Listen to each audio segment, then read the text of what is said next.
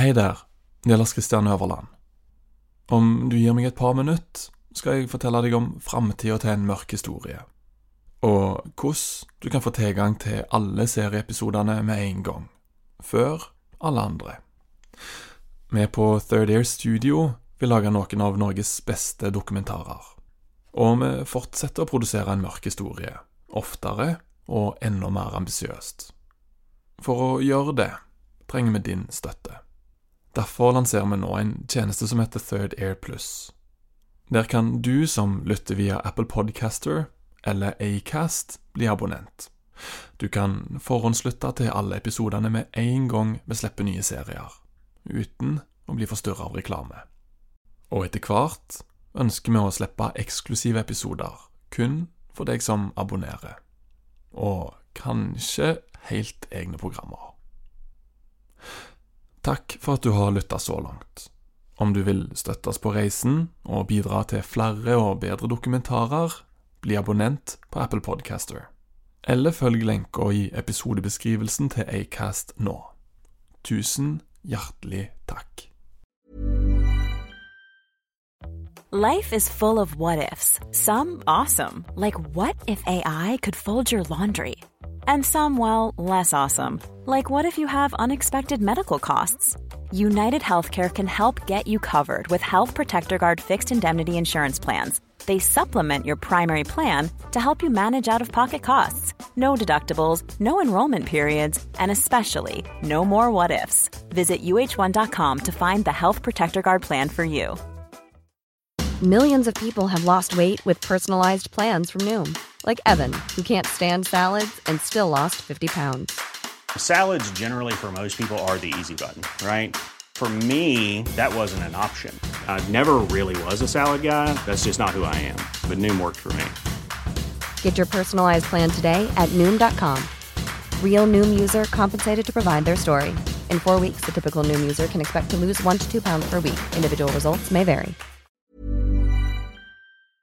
Opptaket du får høre, er de originale av Politiradioen.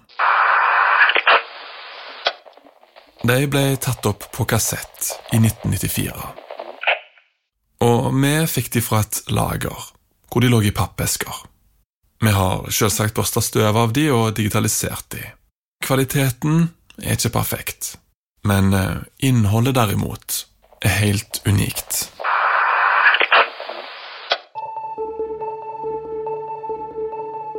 Og så ble det jo viktig for meg, som sagt, å prøve å få til en, eh, en relasjon som, som kunne fungere så godt som mulig. Den unge politimannen Frode Anmarkrud gjør seg klar til å trykke på sendeknappen på politiradioen.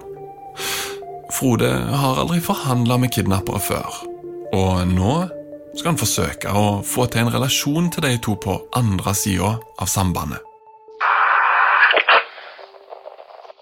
Ja, det er fra og mitt navn er Frode, og jeg skal prate med deg framover nå. Hva heter du? Jeg heter Antonio Montana, ok? Mannen i den andre enden kaller seg Antonio Montana. Egentlig heter de to ranerne Coca og Maidek. Og Antonio Montana er hovedpersonen i den legendariske gangsterfilmen Scarface fra 1983. Hvor Al Pacino, som spiller Montana, i sluttscenen sier den ikoniske setningen 'You're fucking with me, you're fucking with the best'. Før han forsøker å blåse opp alt rundt seg. Antonio Montana! You fuck with me, you fucking with the bank!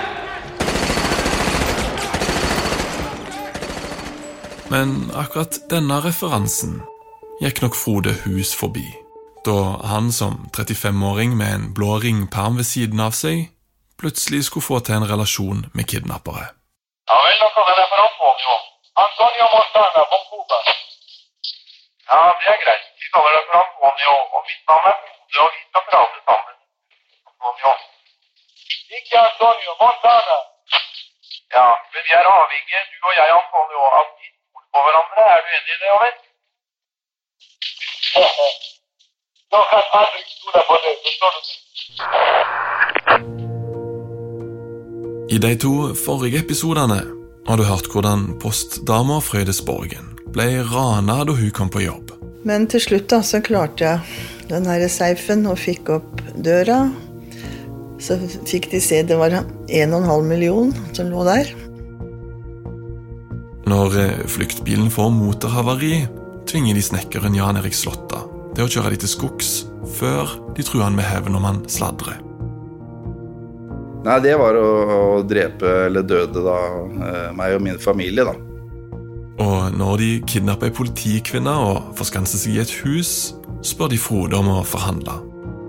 Eh, Sånn at det kom da en anmodning fra Larvik til Sandefjord om, om utlån av eh, meg. Han er fallskjermhopper og sier ja.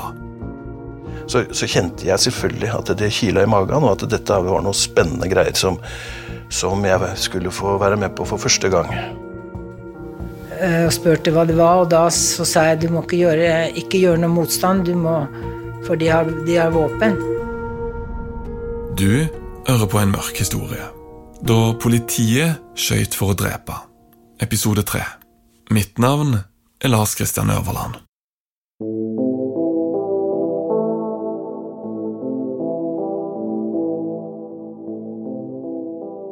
Hva husker du best ifra inni huset? Det var liksom en av de tinga som har satt seg fast helt først. Det var jo mens vi var nede på soverommet enda. Så spurte han om ikke jeg fikk ringe hjem til mannen min, for han satt jo hjemme med tre, tre barn.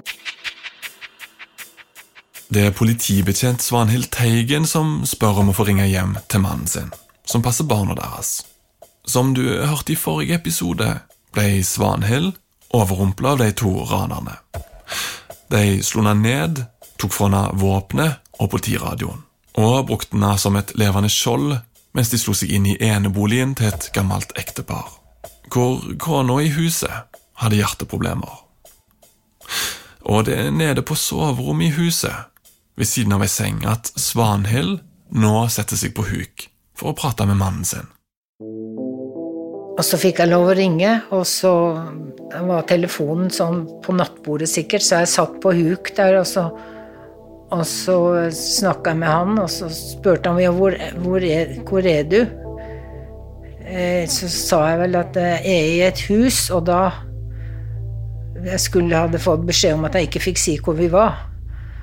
Og da fikk jeg et slag og et spark og ramla inni en kro ned i et hjørne hvor jeg satt liksom sammenkrøka nede i hjørnet hvor de sparka og slo meg.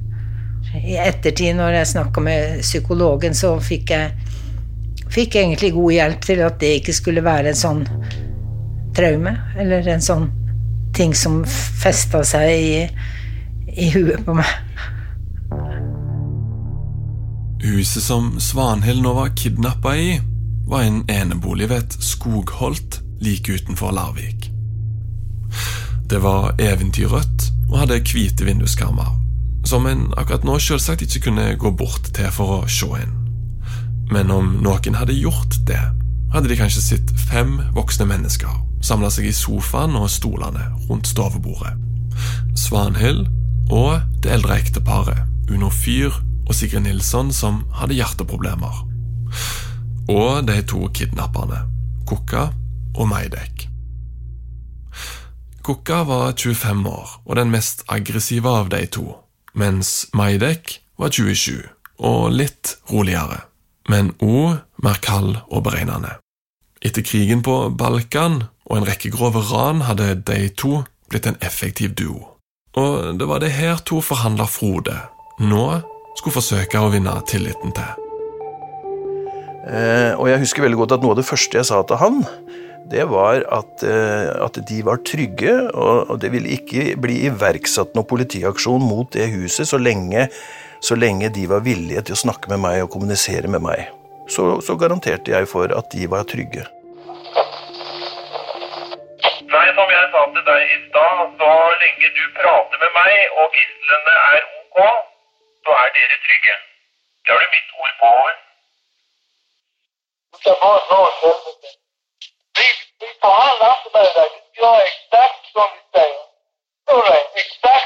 Sier. Du kan bare dra til helvete. vi forhandler ikke med deg, og du gjør eksakt som vi sier. Forstår du det? Å vinne tilliten til Kukka og Maidek var ingen lett oppgave. Og snarere enn å roe seg, skal de snart gjøre situasjonen enda vanskeligere for Frode. De to hadde blitt jaga i over et døgn, og sitter plutselig rundt stovebordet i et fremmedhus med en bag med halvannen million under bordet. Men de var på ingen måte klar for å overgi seg.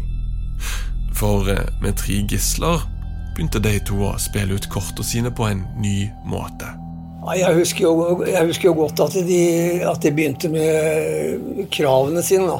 Den erfarne lokaljournalisten Janke Murer var raskt på plass oppe ved det røde huset med de hvite vinduskarmene, og følger med på forhandlingene over politiradioen.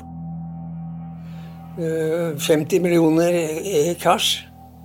Eh, helst i utenlandsk valuta, husker jeg det ble sagt. Og, og de skulle ha et eh, skikkelig fly. Langtrekkende, ble det sagt. Og fulltanket. Et flygplan også skal klart. Hvor skal det eventuelt ta fra? Det skal ta på en flyplass i nærheten av Ja, vi kan også by på problemer. For alle flyplasser i nærheten her nede de er stengt på natta. Ja, du får si ut med da. Ja, da ser vi hva vi kan gjøre med det.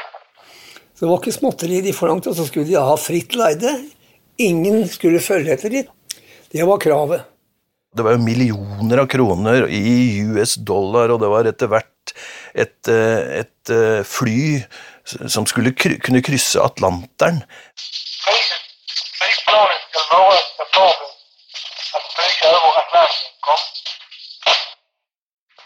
Ja, det er mottatt. Og, og, der skulle det alt overmål være, være seks fallskjermer. Det ble jo blankt avvist. da. 50 millioner, det, det for det første var det ikke mulig å skaffe det. Etter hvert senker de to kidnapperne kravet om penger lite grann. Men eh, vil fortsatt ha et fly som skal kunne nå langt, og fallskjermer. 5 millioner D-mark og 20 millioner norske kroner. Det er korrekt, Ja, da kan jeg si med en gang i hvert fall at det må hentes i Oslo. Ja, men jeg skiter i hva det heter. Henter det, da? Ja, vi jobber med saken. Kravet fra de to kidnapperne endrer seg flere ganger, men for å oppsummere vil de ha et beløp som i dag tilsvarer rundt 85 millioner kroner. Det er over 25 millioner mer enn hva Nokas-ranerne fikk. I tillegg skal de ha et fly som kan ta de over Atlanteren, og seks fallskjermer. Forhandler Frode skjønner hvor vanskelig oppgava hans er i ferd med å bli. Jeg forsto jo veldig tidlig at, at, de kravene som de framsatte, de kom aldri til å bli innfridd. Altså det, det, det, det visste jeg. Såpass godt kjente jeg til på si, norske myndigheters holdninger til sånne type saker. Jeg visste at kravene deres aldri kom til å bli innfridd. Og som om jobben til den uerfarne forhandleren ikke var komplisert nok, begynner de med truslene.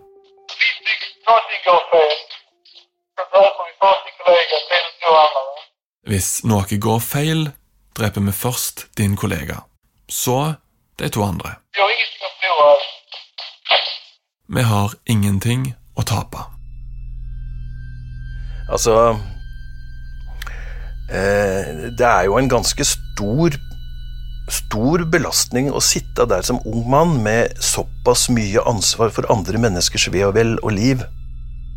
Og det å sitte der med en følelse av å ha uh, disse tre menneskenes liv kanskje, kanskje, i egne hender, på et vis, uh, det var ganske, ganske stressende. Uh, husker jeg, for, for, som sagt, jeg forsto veldig tidlig at dette her, er, dette her er mennesker som vi må ta på, på absolutt alvor. Så, så, så, det er klart at du prøver å vekte dine ord. Så i stor grad var det jo om å gjøre å prøve å ikke provosere, ikke sant? Nei, men ingenting vil skje med dere så lenge du prater med meg. Og jeg lurer på hva er forskjellen for dere? Om dere har én eller to eller tre gisler for oss, så spiller det ikke noen rolle. over. Og nå er det ikke bare Frode som kjenner på ansvaret for de tre gislene på innsida. Politimester Skrøen, som har ansvaret for det hele, dukker plutselig opp over politiradioen. Men selv om han stort sett holder seg i bakgrunnen, blir han viktig senere i historien. Han presenterer seg sjøl som sjefen, og sier at de har hans ord på at kravene vil bli innfridd. Du snakker med sjefen. Kravene vil bli innfridd. Men du kan ta meg på mitt ord. Vi er i arbeid med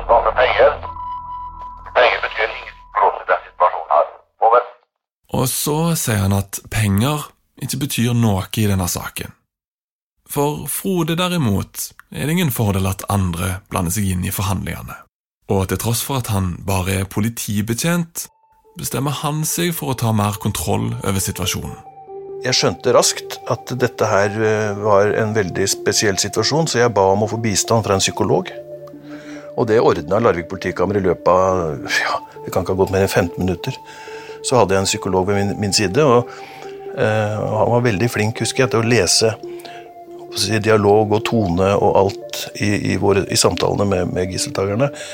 Politimester Skrøn i Larvik han var ganske pågående og en ganske, type, en ganske dominant ledertype. Så jeg følte umiddelbart også at han, at han var litt for mye på. For jeg skjønte jo hvor viktig det ville bli for meg å etablere en hensiktsmessig relasjon til disse gisseltakerne. sånn at jeg tror vel aldri jeg har snakka så strengt til en politimester før, når jeg da krevde at jeg og denne psykologen skulle isoleres på det rommet. Dørene skulle lukkes og låses, og jeg ville ikke ha noen, noen uh, si, innvendinger eller ting fra verken han eller andre.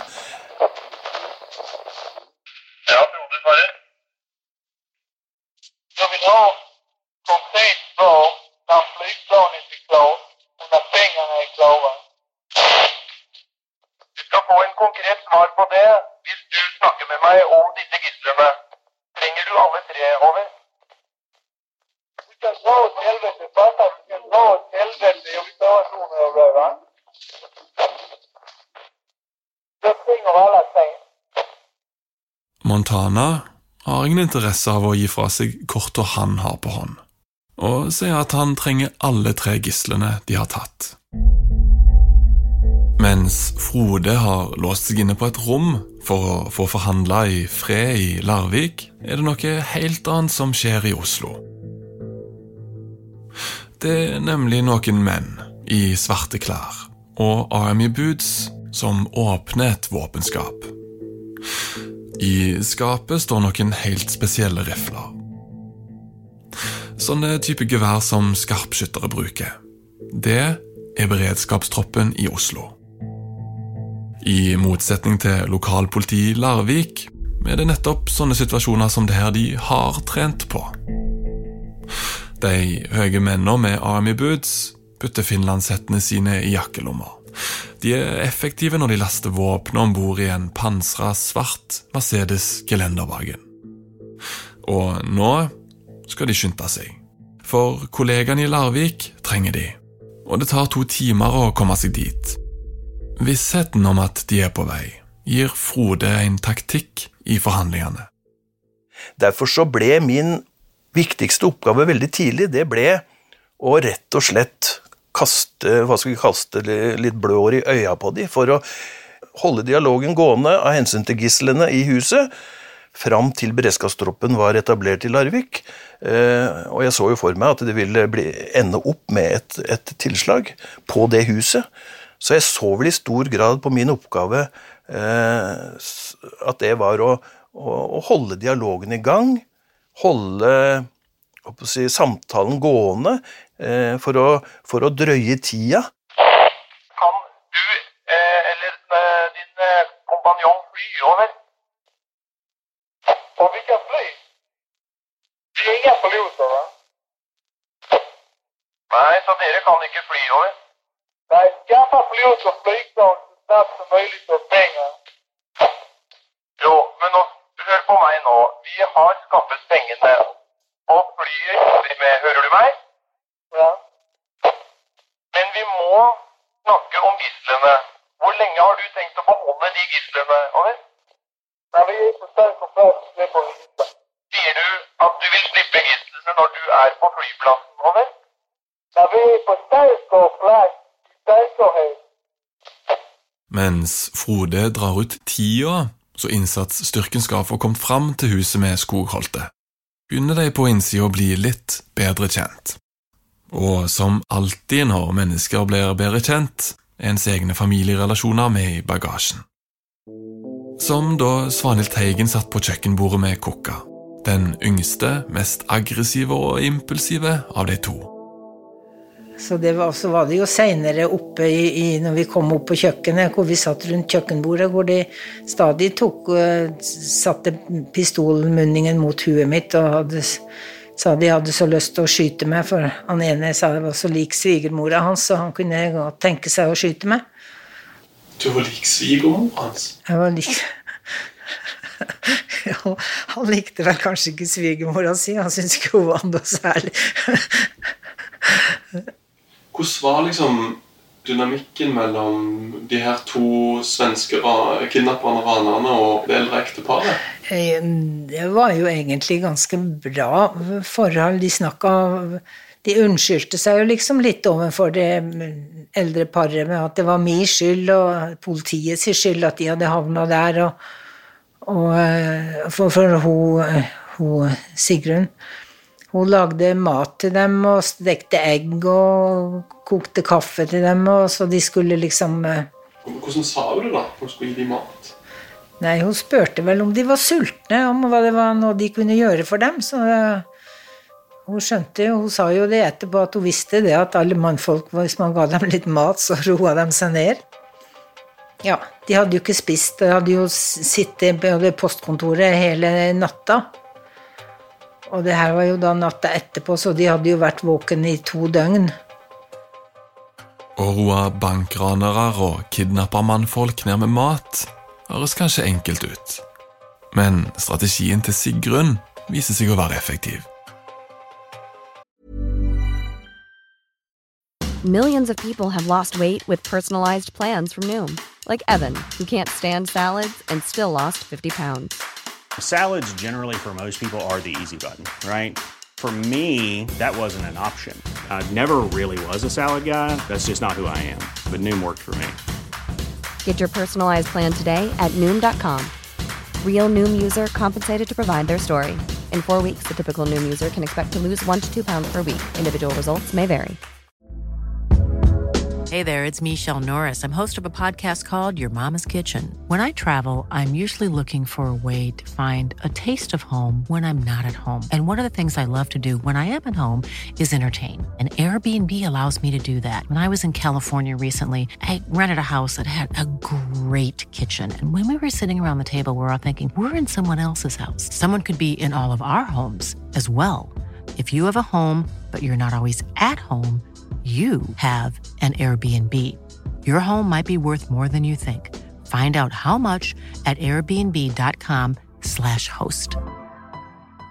Hiring for your small business? If you're not looking for professionals on LinkedIn, you're looking in the wrong place. That's like looking for your car keys in a fish tank.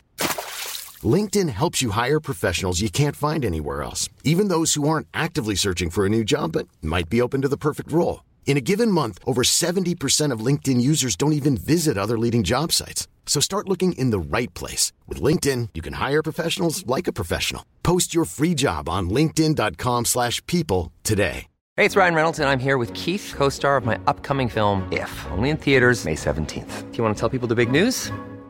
All right, I'll do it. Sign up now and you'll get unlimited for $15 a month and six months of Paramount Plus Essential Plan on us. Mintmobile.com slash switch. Upfront payment of $45 equivalent to $15 per month. Unlimited over 40 gigabytes per month. Face lower speeds. Videos at 480p. Active Mint customers by 531.24 get six months of Paramount Plus Essential Plan. Auto renews after six months. Offer ends May 31st, 2024. Separate Paramount Plus registration required. Terms and conditions apply if rated PG.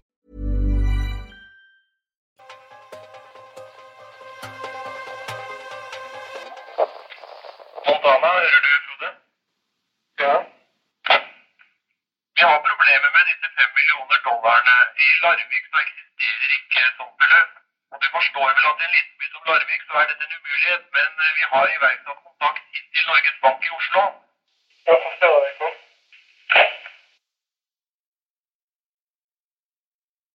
Så de, de hadde veldig godt forhold til hun egentlig, og til han også. Han var ikke noe sånn hissigpropp, han, han mannen hennes. Det virker som hun, hun på en måte ikke følte seg trua. Nei, det virka jo ikke sånn. Hun var veldig rolig. Det var den som liksom styrte det hele. Og især når de hadde hun godsnakka med dem, og de følte vel nesten som hun var i mor for dem. Så da og jeg var den stygge ulven midt oppi alt det her. Så hadde jo Sigrid prata sånn, liksom litt sånn bestemoderlig til, til, disse to. da, og det var da dette med Stockholm-syndromet, at det kom inn i bildet. Jeg hadde inntrykk av at det var litt jovial stemning, samtidig som det var veldig alvorlig. Det blir jo det når du sitter med våpen i panna. Sigrid sin omsorgsfulle tone hadde ikke bare en effekt på forhandlingene. Situasjonen blir snart snudd på hodet. For mens Kukka hadde ei svigermor han kanskje ikke likte så godt, så hadde Maidek ei bestemor som hadde spilt en annen rolle i livet hans. Denne eldre kvinnen som bodde i dette huset, hadde et hjerteproblem. Eh, noe også bestemoren til den ene ransmannen hadde. Eh, og det ble jo en ganske rørende dialog når, når kvinnelige, dette kvinnelige gisselet begynte å få brystsmerter i huset i Larvik. Eh, så viste jo denne ene gisseltakeren eh, fysisk omsorg for henne og fikk henne lagt i senga hennes og fikk til og med brakt vann til henne. Perioder som sagt så var dette en ganske, en ganske avslappa og rolig, rolig stemning. Da var jeg i Lerka og.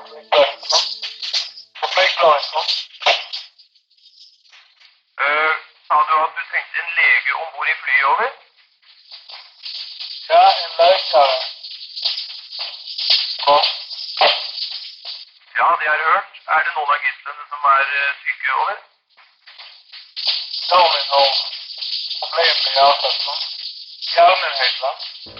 Men selv om Maideks forsøk på å fikse en lege som skal være med på flyet, er en ganske forskrudd måte å vise omsorg på, så passer de godt på krongisselet sitt, Svanhild, som er en av politiets egne. Men én gang får hun gå på do alene. Og på vei tilbake stopper hun opp ved døra i gangen. Den er barrikadert med stoler og bord, så det skal lage lyd om noen forsøker å slå seg inn. Men samtidig leder den ord bort fra kidnapperne. Og ut i frihet. Ja, en gang gikk jeg jo ut, den, ut på do der alene, så da tenkte jeg skal jeg stikke av. Og så tenkte jeg jo på de der ekteparet, hva skjer med dem hvis jeg blir borte? Hvis jeg plutselig klarte å komme meg ut den døra der. Så jeg følte jo litt ansvar for de også, som, som jeg var hos. Så da valgte du å gå tilbake? Ja, da, så da gikk jeg tilbake igjen. Jeg visste jo det at de var, de var ikke mange meterne unna, men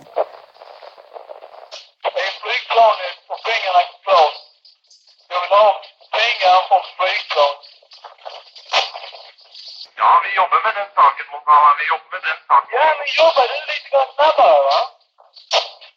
Jeg vil ha et konkret svar. Ja, jeg kan si det at pengene Pengene er under oppdeling og på. Det som kan ta noe tid, det er fly som du krever. Det kan ta noe tid. I mellomtiden så må du og jeg prate sammen. Over. Mens Frode fra bak den låste døra har klart å dra ut tida med å dikte opp historielinjer om penger som blir talt opp, og fly som det er utfordrende å få tak i ruller en pansra svart Mercedes Gelendervagen inn på grusveien, ned forbi det røde huset med hvite vinduskarmer. Blankpussa Army Boots hopper ned på grusen, og med målretta skritt omringer de huset. Og finlandshettene ligger ikke lenger i jakkelomma. De er trukket over ansiktet. Og beredskapstroppen hadde ankommet. De hadde nesten etablert seg ferdig rundt huset. Det var fordelt skarpskyttere rundt, og, og, og mannskaper ut fra entringspunktene som ville bli brukt i huset, altså inngangsdører og vinduer osv. Så videre. sånn at det, det, vi forsto at det nærma seg et, et, tilslag. Så jeg følte vel på mange måter at jeg eh, Jeg tenkte at jeg sikkert, om ikke veldig lenge, er i mål med den jobben jeg skal gjøre i den hendelsen. Eh, og sånn sett så satt jeg som forhandler og følte vel på det tidspunktet at jeg hadde gjort jobben min, i den forstand at ingen av gislene var skadet. Eh, det hadde gått noen timer, eh, men ingen av de var blitt skada. De hadde ikke gjort alvor av noen av truslene sine. Så ville denne hendelsen blitt avslutta kanskje bare en times tid senere ved et tilslag på huset. Så gikk det jo helt annerledes. Frode er altså nesten i havn, og Kokka og Maidek har ikke fått med seg innsatsstyrken som ligger buskene nær entringspunktene til huset, eller skarpskytterne som har etablert seg med geværene sine. Men det er ett scenario som politiet ikke har tenkt på. Ledelsen ved Larvik politikammer hadde vært i dialog med hele den norske pressen, og hele den norske pressen hadde forståelse for at de ikke måtte sende ut noe direkte på radio om taktiske disposisjoner, f.eks., som politiet foretok. Av frykt for at gisseltakerne hørte på radio inne i huset, og det var jo akkurat det som skjedde. Men denne anmodningen til norsk presse kom ikke til svensk presse. Og til alt overmål så viste det seg at denne eldre mannen i dette huset som satt som gissel, var svensk. Så det var helt naturlig for de å høre på svensk radio, og det gjorde de også denne dagen. Ja, det var vel vi Det var kanskje jeg som sa det, at eh, for å snakke om noe annet, så sa vi at eh, lurte på om de hadde hørt om Estonia som var gått ned. Nei, det hadde de jo ikke fått med seg. Så, så, så sa vel eh, de, de, en av de i paret at vi kan høre på radioen. Så slo de på radioen, og den sto på Sverige, for han var svensk, han mannen i huset.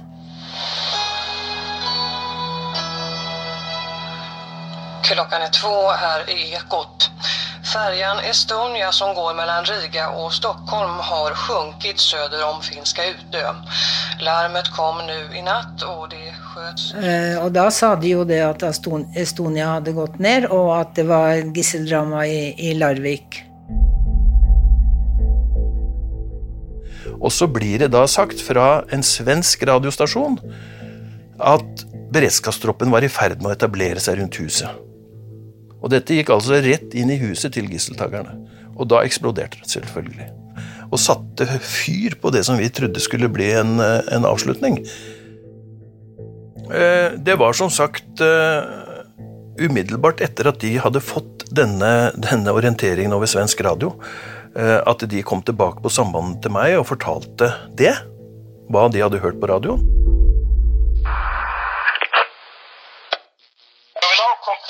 Svar på min fråga.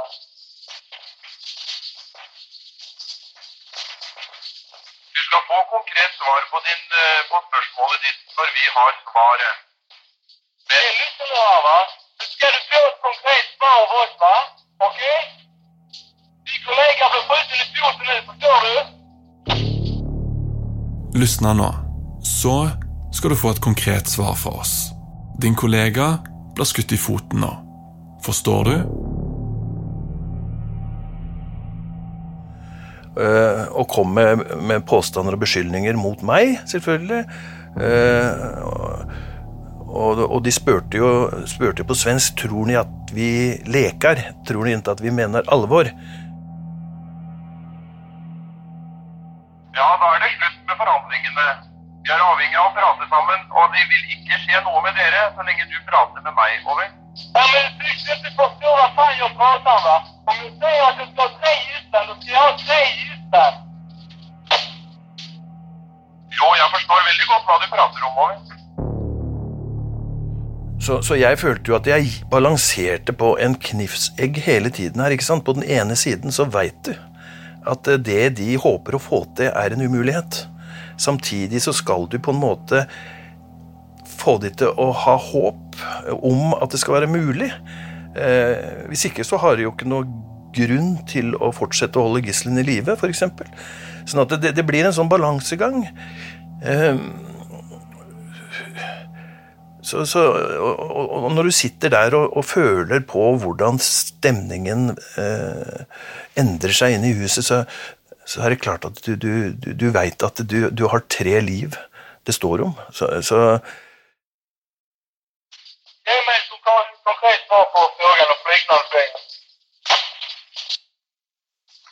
Ja, men nå må du forstå at det er grenser for hva du kan forlange. Du skal altså ha penger og fly og gislene med i flyet. Det er grenser for hva vi kan gå du, er du nå? Ja, jeg hørte det. Og du er ikke tjent med å, å opptrappe dette nå. Ikke?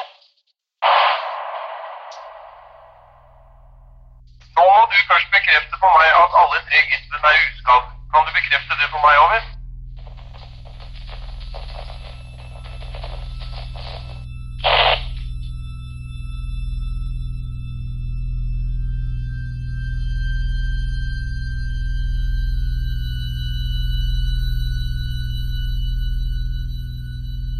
Du har hørt på en mørk historie. Da politiet skøyt for å drepe. Episode tre. Vil du høre alle episodene med en gang, så kan du abonnere på En mørk historie i Apple Podcast. Eller i appen til Acast. Da slipper du reklame, og du støtter arbeidet vårt til nye dokumentarer. Historien er produsert av Lars Christian Øverland og Rasmus Spitz for Third Air Studios. Lydmiks av Gustav Sondén. Med i redaksjonen er jo Nora Brønseth. Ansvarlige produsenter er Joel Silberstein Hont og David Mehr på Third Air Studios. Du har hørt klipp fra NRK Nyheter. Hey, it's Paige DeSorbo from Giggly Squad. High quality fashion without the price tag. Say hello to Quince. I'm snagging high-end essentials like cozy cashmere sweaters, sleek leather jackets, fine jewelry, and so much more. With Quince being 50 to 80% less than similar brands. And they partner with factories that prioritize safe, ethical, and responsible manufacturing. I love that. Luxury quality within reach. Go to quince.com slash style to get free shipping and 365-day returns on your next order. quince.com slash style. Planning for your next trip? Elevate your travel style with Quince. Quince has all the jet setting essentials you'll want for your next getaway, like European linen, premium luggage options, buttery soft Italian leather bags, and so much more. And is all priced at 50 to 80% less than similar brands. Plus, Quince only works with factories that use safe and ethical manufacturing practices. Pack your bags with high-quality essentials you'll be wearing for vacations to come with Quince. Go to quince.com slash pack for free shipping and 365-day returns. Heter og Ekot fra Sveriges Radio.